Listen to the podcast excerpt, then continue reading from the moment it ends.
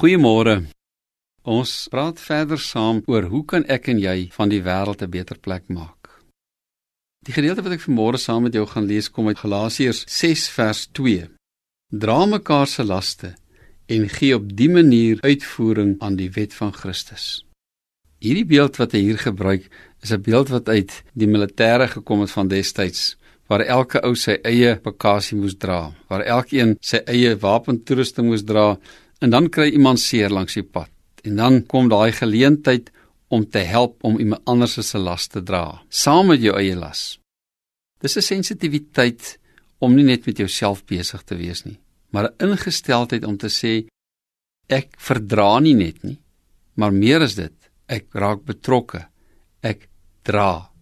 Smaklik om te sê ons verdra mekaar, maar wanneer ons sê ons dra mekaar, is dit 'n hele ander storie, want dan aanvaar ons verantwoordelikheid vir mekaar. Ek gaan vir jou 'n vraag vra wat ek jy, jy moet mooi oor nadink. As jy sou sê, wat is daar wat gedoen moet word waarvan ek iets weet, maar wat waarskynlik nie gaan gebeur tensy ek iets doen en daarvoor verantwoordelikheid aanvaar nie. Wat is daar wat jy weet wat die Here op jou hart druk op 'n manier, maar wat jy nog uitstel? Wat vir jou 'n tweede myl sal vra maar dit gaan dan niks verander as jy nie jou hand opsteek en skouer aan die wiel sit nie. Die lewe is vol geleenthede, situasies wat ons vir onsself kan makliker maak. Maar wanneer dit kom by die laste dra, beteken dit 'n ekstra myl.